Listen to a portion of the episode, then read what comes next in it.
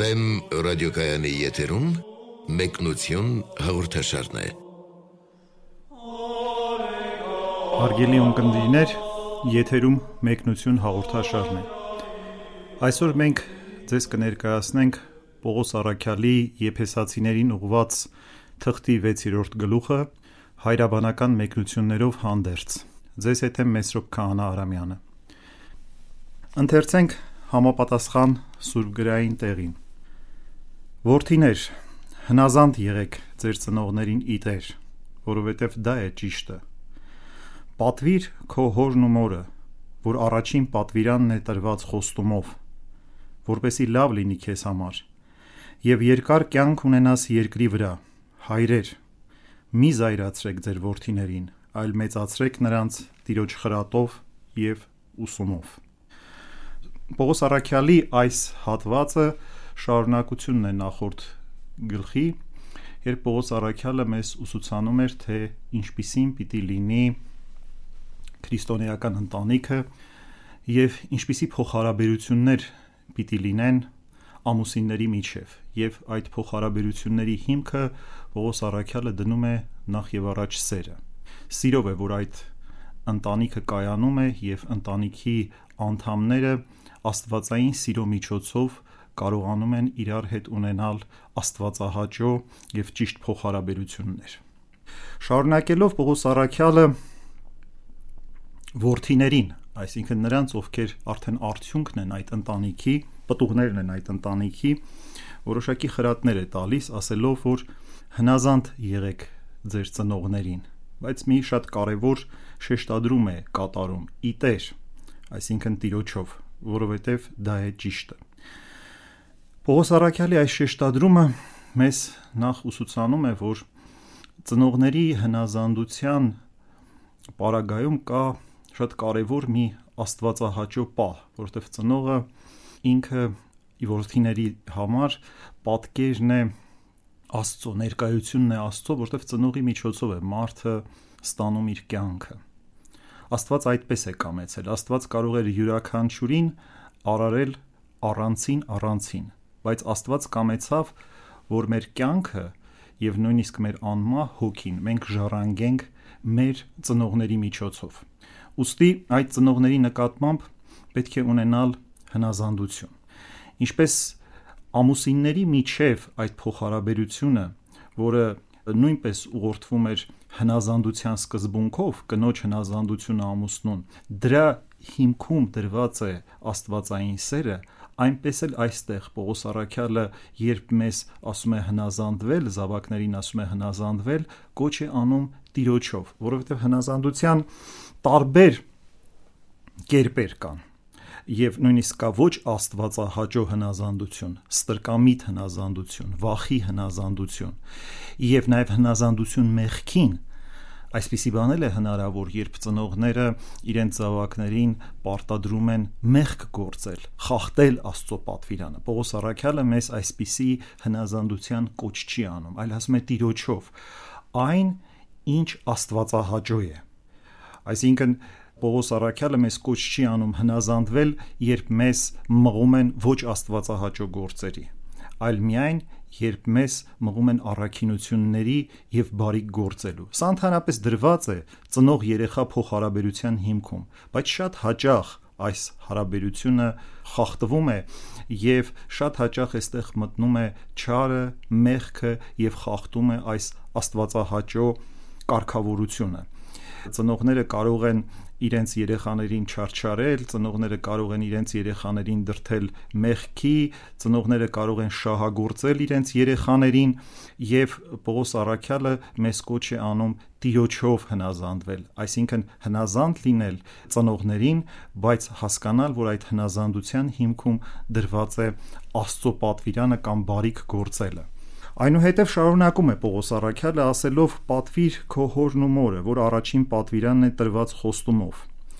Նախ պատվիրանների մեջ առաջինը չէ սա, եւ դրանից առաջ կան այլ պատվիրաններ, բայց ասում է առաջին պատվիրանը տասնաբանյայի մեջ խոստումով, որտեղ իսկապես հենց այս պատվիրանն է, որ ասում է, որպեսի երկար կյանք ունենաս երկրի վրա եւ բարգավաճես ու օրհնվի քո կյանքը։ Այսինքն այս պատվիրանի մեջ կա որոշակի խոստում։ Եթե դու հնազանդվում ես քո ծնողին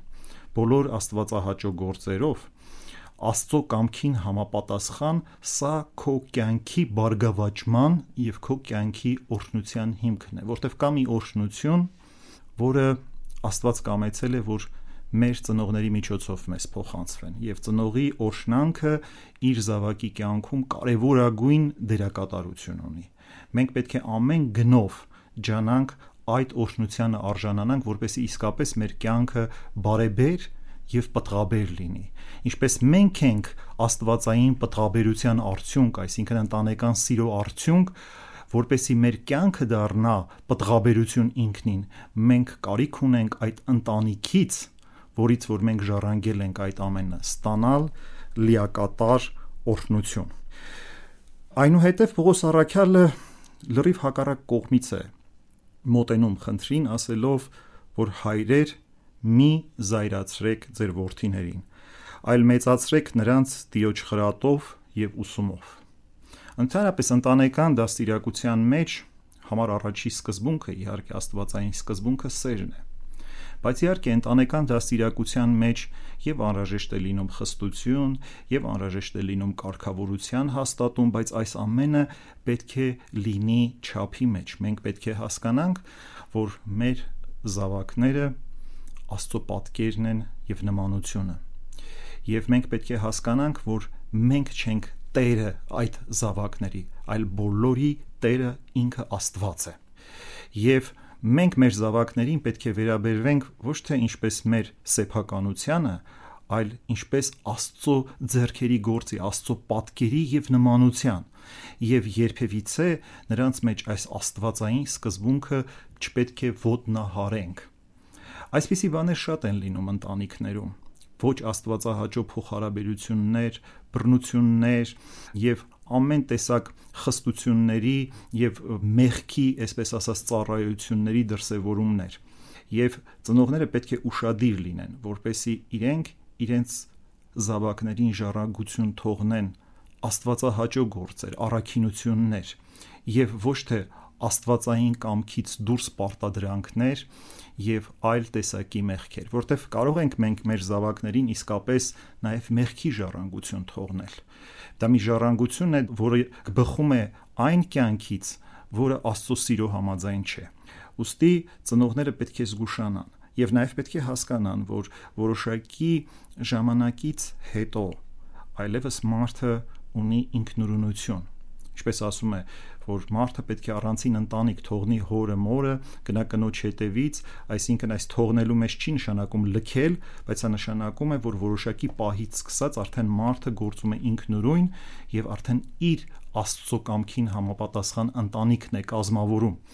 եւ պետք է զգուշ լինել այս ամենի մեջ, որտեղ շատ հաճախ կա չարաշահում ծնողների կողմից արդեն իրենց զավակների ընտանեկան կյանքի մեջ անհարկի ներխուժումներ, ընտանեկան, այսպես ասած, լարումներ, ընտանիքների քայքայումներ եւ այս ամենը բերում է շատ տխուր հետևանքների։ Եվ շատ հաճախ է պատահում, երբ մեծերի սերունդը ճունի բավականաչափ իմաստություն, որ նրանք իսկապես զայրացնում են իրենց զավակներին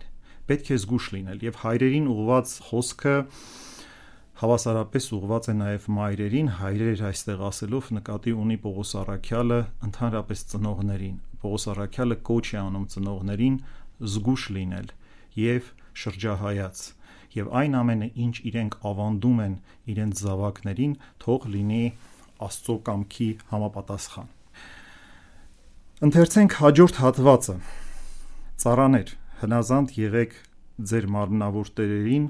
ահով եւ դողով եւ անկեղծ սրտով ինչպես հնազանդ եք Քրիստոսին ոչ թե հսկողության տակ ծառայելով որպես մարդահաճո անձեր այլ որպես Քրիստոսի ծառաներ կատարելու համար Աստծո կամքը հոժարությամբ ծառայեցեք ինչպես պիտի ծառայեիք Տիրոջը եւ ոչ թե մարդկանց իմացեք որ յուրաքանչյուր ոգ թե ծառա եւ թե ազատ, ինչ բարի բան որ անի, նույնն էլ կստանա Տիրոջից։ Եվ դուք Տերեր, նույնն արեք նրանց հանդեպ, մի կողմ թողնելով սпарնալիքները իմացեք, որ եւ նրանք եւ դուք Տեր ունեք երկնքում եւ նրա առաջ աչառություն չկա։ Պողոս Արաքյալը շատ յուրահատուկ փոխհարաբերությունների կոչ է անում մեզ եւ նրանց ովքեր ծառայության մեջ են եւ նրանք ովքեր վերահսկում են այդ ծառայությունը որպեսի ամեն բան աստվածահաճո կերպով ընթանա ընդհանրապես մարդկային հարաբերությունների հիմքը ըստ Պողոս Արաքյալի Աստված է եւ ուղված է դեպի բարիքի իրագործումը Պողոս Արաքյալը մեզ կոչ է անում այդ բարիքը գործելիս կամ Աստծո կամքի համապատասխան մեր կյանքը կառուցելիս զգուշ լինել մարդահաճույությունից եւ լինել աստվածահաճո շատ հաճախ է այս ամենը չարաշահվում շատ հաճախ մարդիկ չարաշահում են իրենց դիրքը իրենց ղեկավար դիրքը եւ ստիպում են իրենց ծառայության տակ գտնվողներին որ նրանք յուրահատուկ հարգանք ցույց տան իրենց անձի նկատմամբ, քծնեն իրենց անձը, գովաբանեն, մեծարեն, եւ շատերը կան, որ ուղղակիորեն սրանով են սնվում։ Սա ընդհանրապես ղեկավարների, սա ընդհանրապես իշխանավորների կուրությունն է։ Սա մի հիվանդություն է, որ շատ հնուց կա։ Շատերը նույնիսկ չլինելով այսպիսի վիճակում նախապես, երբ հայտնվում է նրանց ձեռքում իշխանություն, նրանք սկսում են չարաշահել այդ իշխանությունը եւ Պողոս Արաքյալը ասում է իմացեք որ բոլորը տեր ունեն երկնքում եւ դուք եւ նրանք եւ դուք չեք նրանց տերը դուք տեր չեք, դուք կանչված եք նույնպես որոշակի ծառայության եւ դուք այդ ծառայությունը կատարում եք իդեմս ձեր տիրոջ, որ երկնքում է։ Այսինքն, եթե դուք ղեկավար եք, դա չի նշանակում, որ դուք տեր եք։ Եթե դուք իշխան եք, դա չի նշանակում, որ դուք տեր եք։ Դուք նույնպես ծառայ եք։ Դա սпасավորության մի յուրահատուկ տեսակ է, ավելի բարձր սпасավորության տեսակ է, բայց երբեք չպետք է մոռանաք, որ նրանք, ովքեր որ ձեր ծառայության տակ են, նրանք տեր ունեն, նրանք նույնպես Աստծո պատկերն ու նմանությունն են։ Եվ ծառայության տակ գտնվողներին Պողոս Արաքյալը կոչ է անում ամեն բան ինչ որ գործում են, ամեն մի բարիքի իրագործում կատարել այնպես, ինչպես թե տիրոջ առաջ են կատարում։ Այսինքն այդ բարիքը նպատակա ուղված չէ դեպի ինչ որ անձը երկրի վրա եւ դա անձի աշտամունքի չպետք է վերածվի, այլ այս ամենը կատարում ենք իբրև թե տիրոջ առաջ եւ նրա համար ենք կատարում։ Ոստի մեզ Պողոս Արաքյալը խորհուրդ է տալիս ուշի ուշով հերու մնալ մարդը հաճույությունից։ Պետք է ասել, որ սա բավականին բարդ բան է, որովհետև այստեղ կան պարտադրանքներ, այստեղ կան անձի թելադրանքներ եւ շատ հաճախ մարդը չի կարողանում ճիշտ սահմանազատում կատարել որտեղ է, որ սահմանից այն կողմ է, որ սկսվում է մարդահաճույությունը որ սահմանից այն կողմ է, որ սկսում է արդեն ոչ աստվածահաճո կյանքի ընթացքը։ Եվ շատ հաճախ մարդիկ սկզբունքներին ծառայելը, Աստծո պատվիրաններին ծառայելը հենց հասկանում են մարդուն ծառայելը։ Եվ նաև շատ ղեկավարներ էլ, շատ իշխանավորներ էլ, որոնք իրենց ձեռքում ունեն որոշակի զորություն, պարտադրում են դա մարդը պետք է մշտապես ձգտի ներքին ազատության։ Քրիստոնեությունը ներքին ազատագրման ճանապարհ է։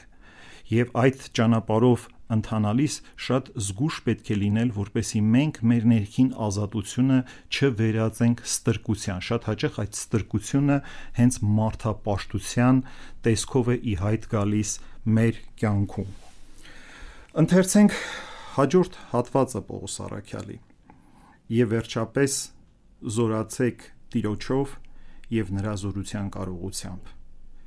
Եվ Աստուծո սպառազինությունը հագեք, որպեսի կարողանաք ընդդիմանալ սատանայի հնարքներին, որովհետև մեր պատերազմը մարմնի եւ արյան հետ չէ, այլ իշխանությունների հետ, պետությունների հետ, այս խավար աշխարհի տիրակալների հետ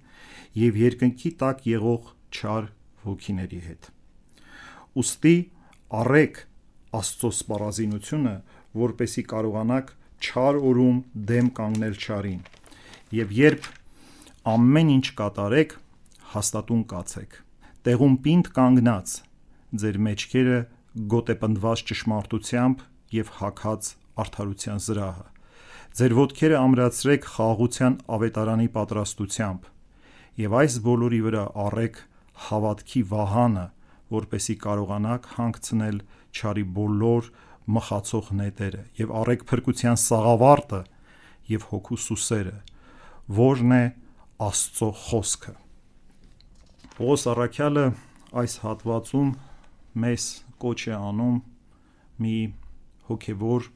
պատերազմի նախապատրաստության եւ ասում է թե մենք ինչպես պետք է վարենք մեր կյանքը այդ պատերազմի մեջ եւ նա մեզ կոչ է անում սպառազինվելու եւ տարբեր կերպերով գոտեպնդվելու զրահներ ունենալու եւ տարբեր զենքեր ունենալու, որովհետեւ ասում է, որ այդ պատերազմը շատ բարդ պատերազմ է։ Դա սովորական մարդկանց հետ չէ եւ այդ ուժերը անտեսանելի են, դրանք խավարի իշխանություններն են, երկնքի տակ գտնվող չար ոգիներն են, որոնց պատերազմական հնարքները տեսանելի չեն, դրանք սովորական զենքեր չեն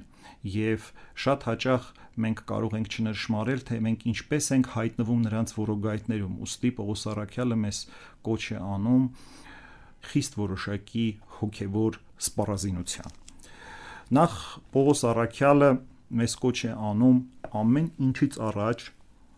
Աստծով զորանալ եւ ամրանալ իսկապես եթե մենք չենք գիտակցում որ մենք չենք պայքարում, այլ Աստված է պայքարում մեր փոխարեն, բայց մենք պետք է թույլ տանք, որպեսի Աստված իրականացնի այդ պայքարը, հիրավի մենք ողորմելի ենք։ Եթե մենք մեր ուժերը դրել ենք մեր վրա եւ կարծում ենք, որ մենք որևէ բան կարող ենք այս պայքարում անել, մենք դրանով իսկ արդեն դարձել ենք ճարի հնարքների խաղալիքը։ Եվ Աստծո զորությամբ Պողոս Արաքյալը մեզ կոչ է անում այդ զորության վրա հիմնվելով ամրանալ, այսինքն պատսպարվել, այսինքն գտնվել այնպիսի մի տիրույթում, այնպիսի մի ամրոցում, ամրության ներսում, որտեղ ճարի այդ որոգայթները եւ հնարքները անզոր են մեր նկատմամբ։ Պողոս Արաքյալը որոշակի կոչ է մեզ անում սպառազինվելու։ Սպառազինվել նշանակում է նախ ամեն տեսակ զենքերով ամրապնդվել ունենալ բոլոր զենքերը ամեն կողմից պաշտպանված լինել եւ ամրանալ եւ ասում է որ այդ սպառազինությունները ճարի հնարների դեմ են սատանայի հնարների դեմ են մենք ամեն կողմից պետք է այդ հնարների դիմաց պաշտպանված լինենք որովհետև չգիտենք այդ հարցակումը որտեղից է լինելու դիմացից ետևից, կողքից, վերևից, որտեղ տեսանելի չէ այդ հարցակումը։ Դրանք ճարի հնարներն են, նրա որոգայթները, նրա խափեությունները, նրա կեղծիքները, որոնցով նա անընդհատ փորձում է մեզ ճարիքի մեջ ներքաշել, փորձում է ճարին ծառայեցնել փորձում է հաճույքներին ծառայեցնել, փորձում է մեր կրքերին ծառայեցնել եւ շատ հաճախ մենք մեր համագործակցությունը ճարի հետ սկսում ենք հենց մեր իսկ կրքերով, մեր իսկ զգացմունքներով, մեր էմոցիաներով, տրվելով ճարին։ Եվ Պողոս Արաքյալը մեզ կոչ է անում որպեսի մենք սպառազինվենք, որպեսի կարողանանք այդ ճարի բոլոր հնարների դեմ պայքարել։ Եվ Պողոս Արաքյալը նախ եւ առաջ այս պայքարի կամ այս պատերազմական իրավիճակի մեջ մեզ կոչ է անում հաստատուն կանգնել։ Ասում է հաստատուն կացեք, տեղում պինդ կանգնած։ Ընդհանրապես պետք է մեր կյանքը հաստատուն, ամուր եւ աչալուրջ լինի։ Այս պայքարի մեջ, քանի դեռ այս մենք մարմնավոր այս կյանքում ենք գտնվում կանգնած վիճակը դա հոգևոր զգոնության եւ սթափության վիճակ է, դա ամրության վիճակ է, հաստատակամության վիճակ է։ Դա պայքարի մեջ մտնելու վիճակ է։ Դրան հակառակ վիճակն է օրինակ հաճույքների մեջ թավալելը կամ մեղքի մեջ քնածը, որից խորհուրդ է տալիս, որ մենք արթնանանք առաքյալը։ Այսինքն կանգնած վիճակը հոգու արտնության եւ նաեւ առաքինագործության վիճակ է եւ հակառակն է այն վիճակի, երբ մարդը գտնվում է մեղքերի մեջ, երբ մարդը տրված է իր հաճույքներին։ Պողոս Արաքյալը մեզ կոչ է անում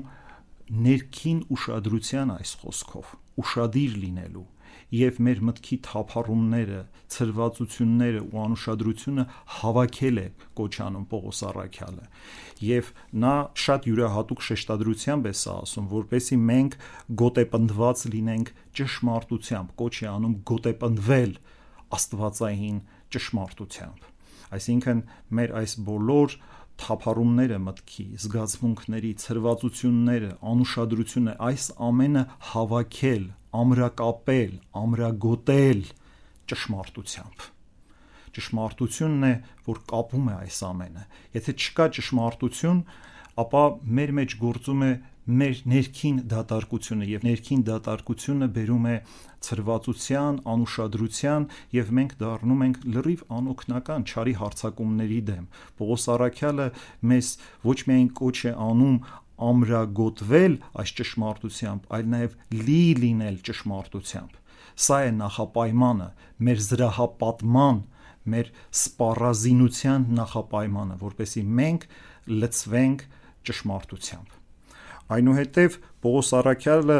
անցում է կատարում մեկ այլ կարևոր զենքի սպառազինության տեսակի, ասում է հակած արդարության զրահը Արդարությամբ Պողոս Արաքյալը այստեղ բնորոշում է բոլոր առաքինությունները, որովհետև արդարությունը լրումն է ընդհանրապես մարդկային առաքինությունների։ Եվ Պողոս Արաքյալը ասում է, որ մեր սիրտը, որը գլխավոր ճակատամարտի, մեր ներքին ճակատամարտի վայրն է, այն պետք է առաքինությամբ զրահապատված լինի։ Այսինքն արդարությամբ։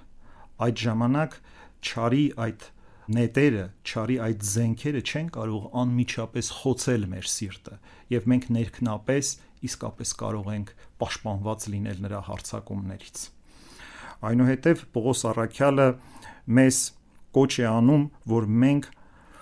մեր ոտքերը ամրացրենք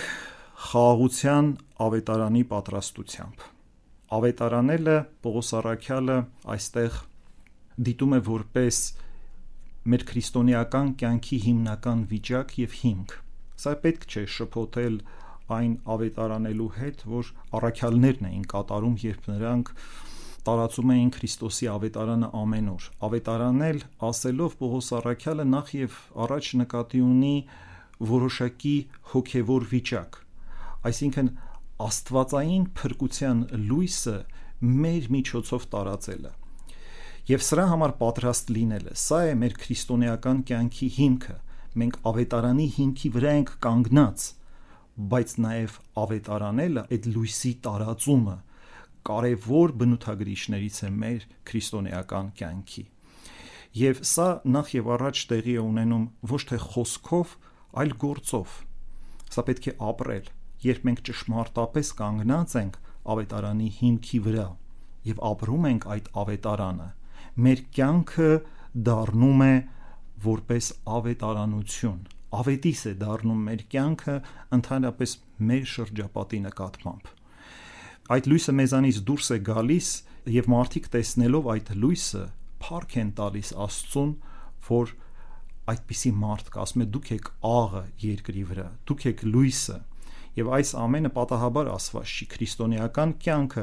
իսկապես պետք է լույս լինի մարդկանց համար եւ իսկապես պետք է համեմի մարդկային կյանքը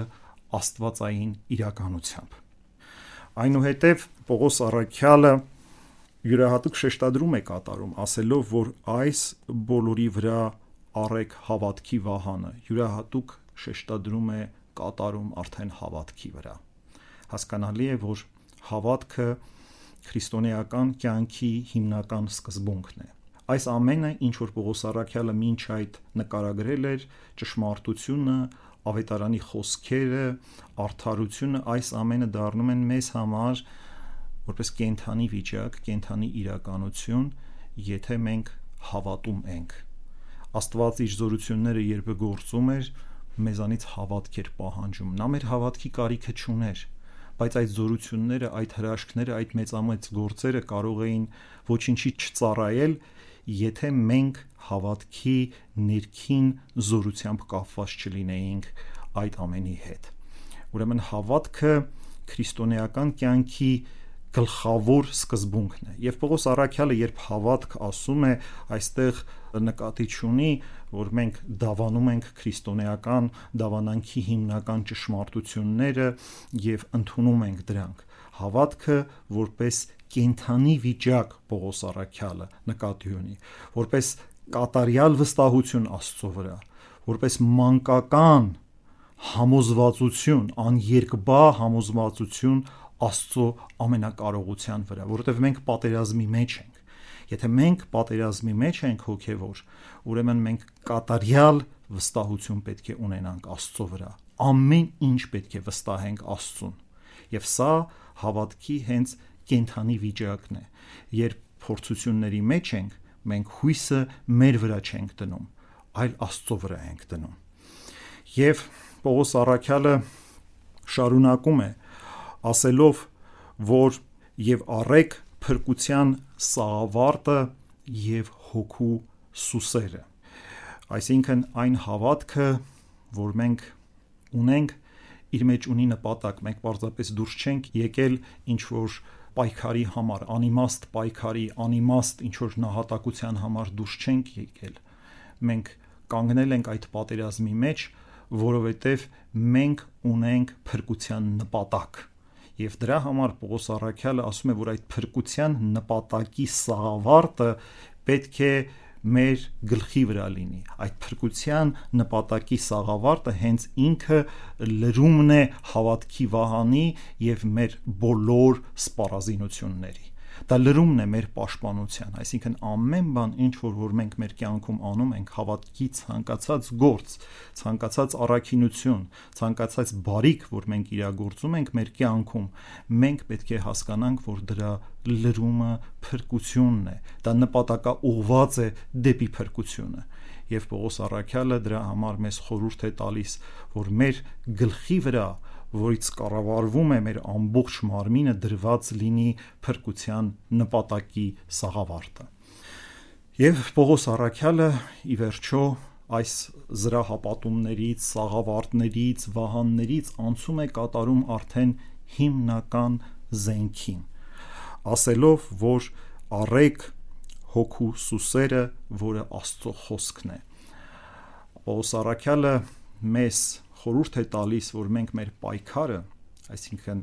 պատերազմի մեջ լինելով, մեր պայքարը մղենք Աստծո խոսքի սուսերով։ Դա մեր հիմնական զենքն է։ Այսինքն ամեն ինչ ինչ որ որ մենք մեր կյանքում անում ենք, պետք է Աստծո խոսքով իրագործված լինի։ Աստծո խոսքի վրա պետք է հիմնված լինի։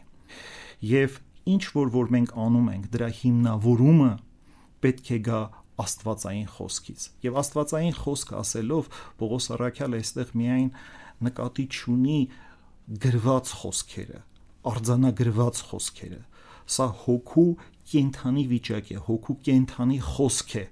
որ մեր միջով գործում է։ Եվ այդ խոսքը ահավոր զորավոր է, այն նման է սուսերի։ Եվ այդ խոսքից այդ հոգուց եկած խոսքից ճարի բոլոր դիվային մեքենայությունները քանդվում են եւ ճարի բոլոր զորքերը փախչում են այդ խոսքը գալիս է հոգու ներշնչանքից այդ խոսքը արդյունք է սուրբ հոգու կենթանի ներգործության մեր մեջ այդ խոսքը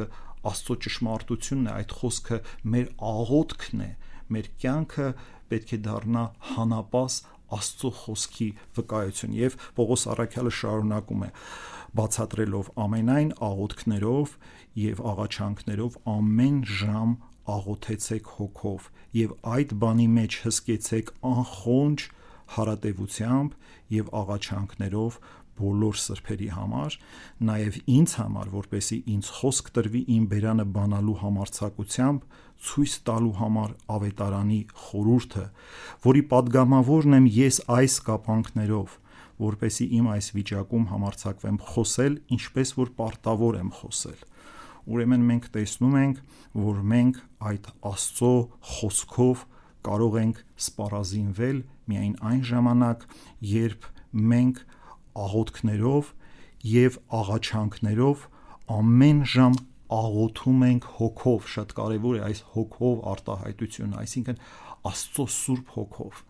որտեղ իրական աղոթքի հեղինակը մենք չենք։ Ասում է հոգին ինքն է բարեխոս լինում անմռունչ հեծությամբ։ Այսինքն հոգին է, որ հեղինակում է մեր աղոթքը։ Հոգին է, որ մեր ներքին զոհաբերությունը մեր սրտի սեղանի վրա մատուցում է։ Հոգին է այս ամենը անում։ Իսկապես ինչ մենք պետք է ասենք Աստծուն։ Ինչ պիտի ասենք Աստծուն, որ Աստված չգիտի։ Այնինչ որ, որ մենք ասում ենք, վեր է ամեն տեսակ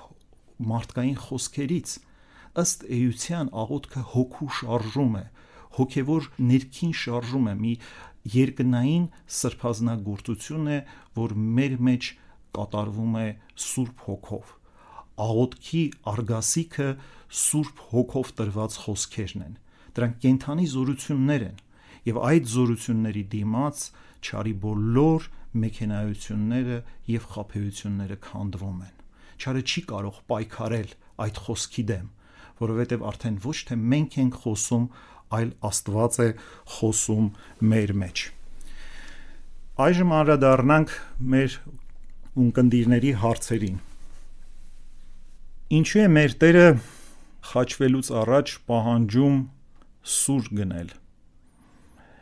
Իսկ երբ իմանում է, որ երկու հատ կա, ասում է դա բավական է, բայց երբ Պետրոս Արաքյալը գործածում է սուրը, Տերն ասում է սուրը դիր տեղը, որովհետև սուր վերցնողը սրովել կընկնի։ Ուրեմն ինչու սուր գնել, երբ չի կարելի գործածել։ Նախ ասեմ, որ Տիրոջ խոսքերի մեջ եւ ինչպես նաեւ տեսնում ենք եփեսացիներին ուղված թղթում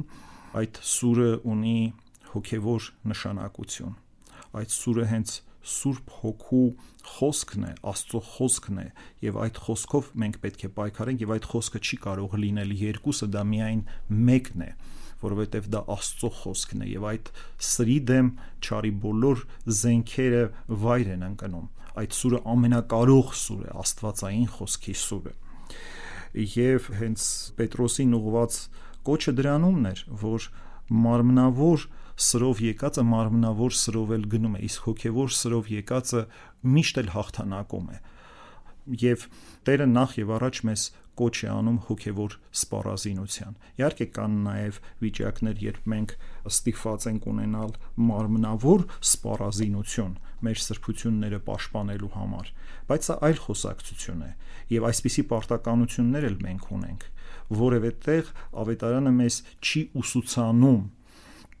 որպեսի մենք, այսպես ասած, մեր սրբությունները չպաշտպանենք եւ Տեր չկանգնենք այն աստվածային ժառանգությանը,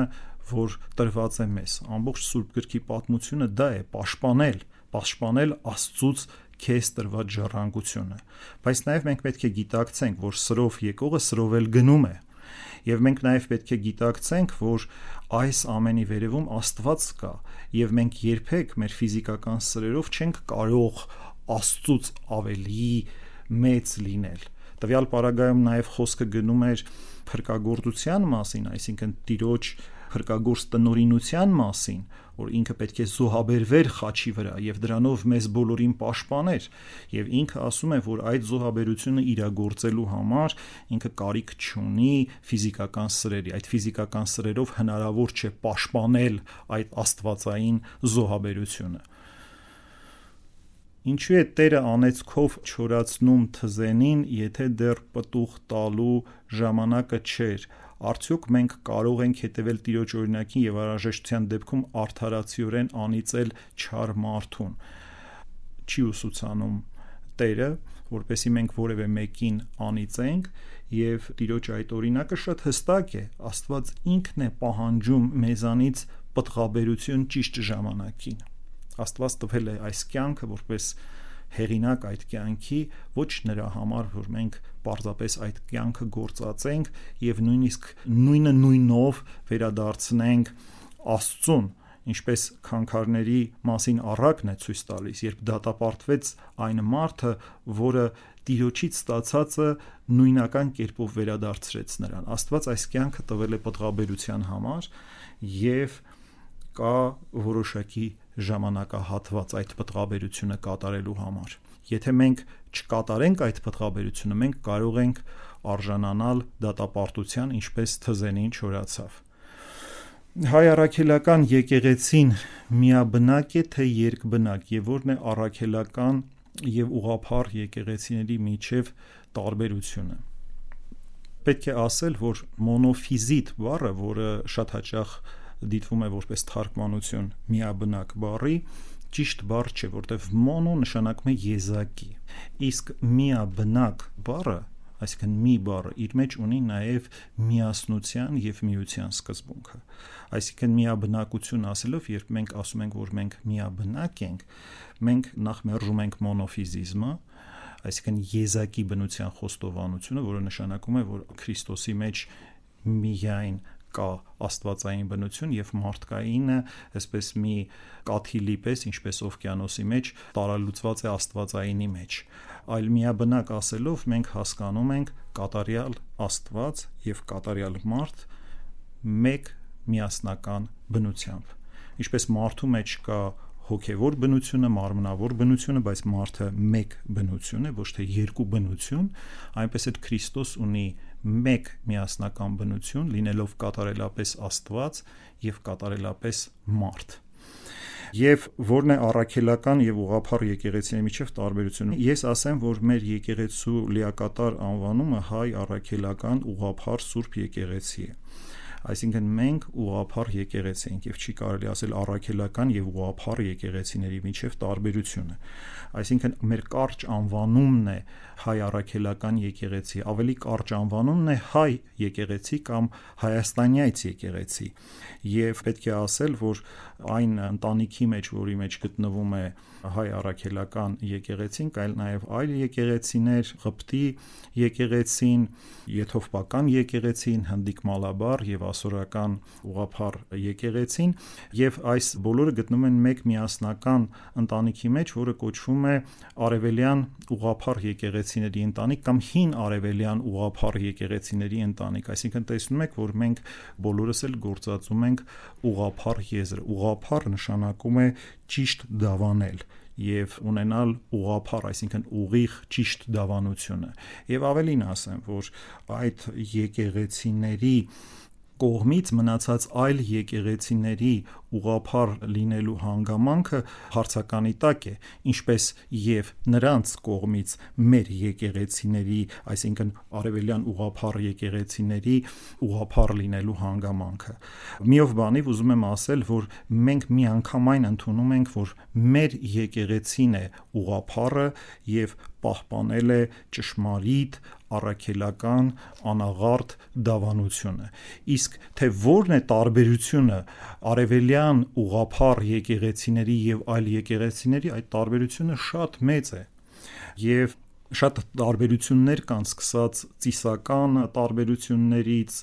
ավանդությունների տարբերություններից, վերջացրած իհարկե գլխավորաբար դավանաբանական տարբերություններով եւ հատկապես այդ տարբերությունները քրիստոսաբանական այդ տիրույթի մեջ են, քրիստոսաբանությանն են վերաբերվում։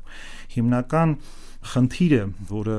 այսպես դարերով շարունակվող վեճի առարկա է եղել, Քրիստոսի մարդեղության ճշմարիտ մարդ լինելու հարցն է Այսինքն նրանք բյուզանդական եկեղեցին եւ կաթողիկե եկեղեցին դարերով կասկածել են, որ արևելյան ուղափառ եկեղեցիները ճունեն կատարյալ խոստովանությունը մարդկային բնության, մարդկային իրականության Քրիստոսի մեջ, ինչը չի համապատասխանում իրականությանը եւ հետևանք է ուղակի դարերով տարածված բամբասանքների։ Այսինքն այս եկեղեցիները ընդունում են, որ Քրիստոս կատարյալ մարդ է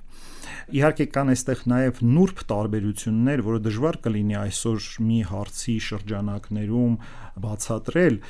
դա մարդկային բնության ակտիվության հարցն է, ներգործականության հարցը, որքանով է ազատ մարդկայինը Քրիստոսի մեջ, որտեղ այս բոլոր խնդիրները ունեն փրկաբանական աղերսներ որովհետև եթե Քրիստոս կատարյալ մարդ չէ, ուրեմն նշանակում է, որ մեր փրկությունը կատարյալ չէ։ Եթե Քրիստոսի մեջ մարդկային բնությունը ներգործական չէ, այսինքն ակտիվ չէ, եւ ասիմիլացված է աստվածությամբ, ապա նշանակում է, որ մարդը այդ փրկությունը կատարելապես իրագործելու, ազատ իրագործելու հնարավորություն չունի եւ այլ փրկաբանական, այսպես ներքին շերտեր։ Այս ամենը քրիստոսաբանությունը հիմքն է մեր փրկաբանության եւ մենք պետք է հասկանանք, որ Աստված մարդացավ, որպեսի մարդն Աստվածանա։ Այս գլխավոր սկզբունքն է քրիստոսաբանության եւ Աստծո մարդանալու այս պահը պետք է Աստվածաբանության մեջ խորապես բացահայտված լինի։ Եթե այստեղ կան վտանգներ, վտանգվում է նաեւ մարդու աստվածանալու process-ը, որը փրկության գլխավոր նպատակն է։ Սրանով թույլ տվեք եզրափակել մեր զրույցը Պողոս Արաքյալի Եփեսացիներին ուղղված 6-րդ եզրափակիչ գլխի վերաբերյալ եւ հիշեցնում եմ, որ դուք կարող եք այս հաղորդման կրկնությունը լսել Կիրակի օրը առավոտյան ժամը 10-ին եւ Կիրակի երեկոյան ժամը 21-ին, ինչպես նաեւ Վեմ ռադիոկայանի ինտերնետային կայքով www.vem.am հասցեով Տերն ընձես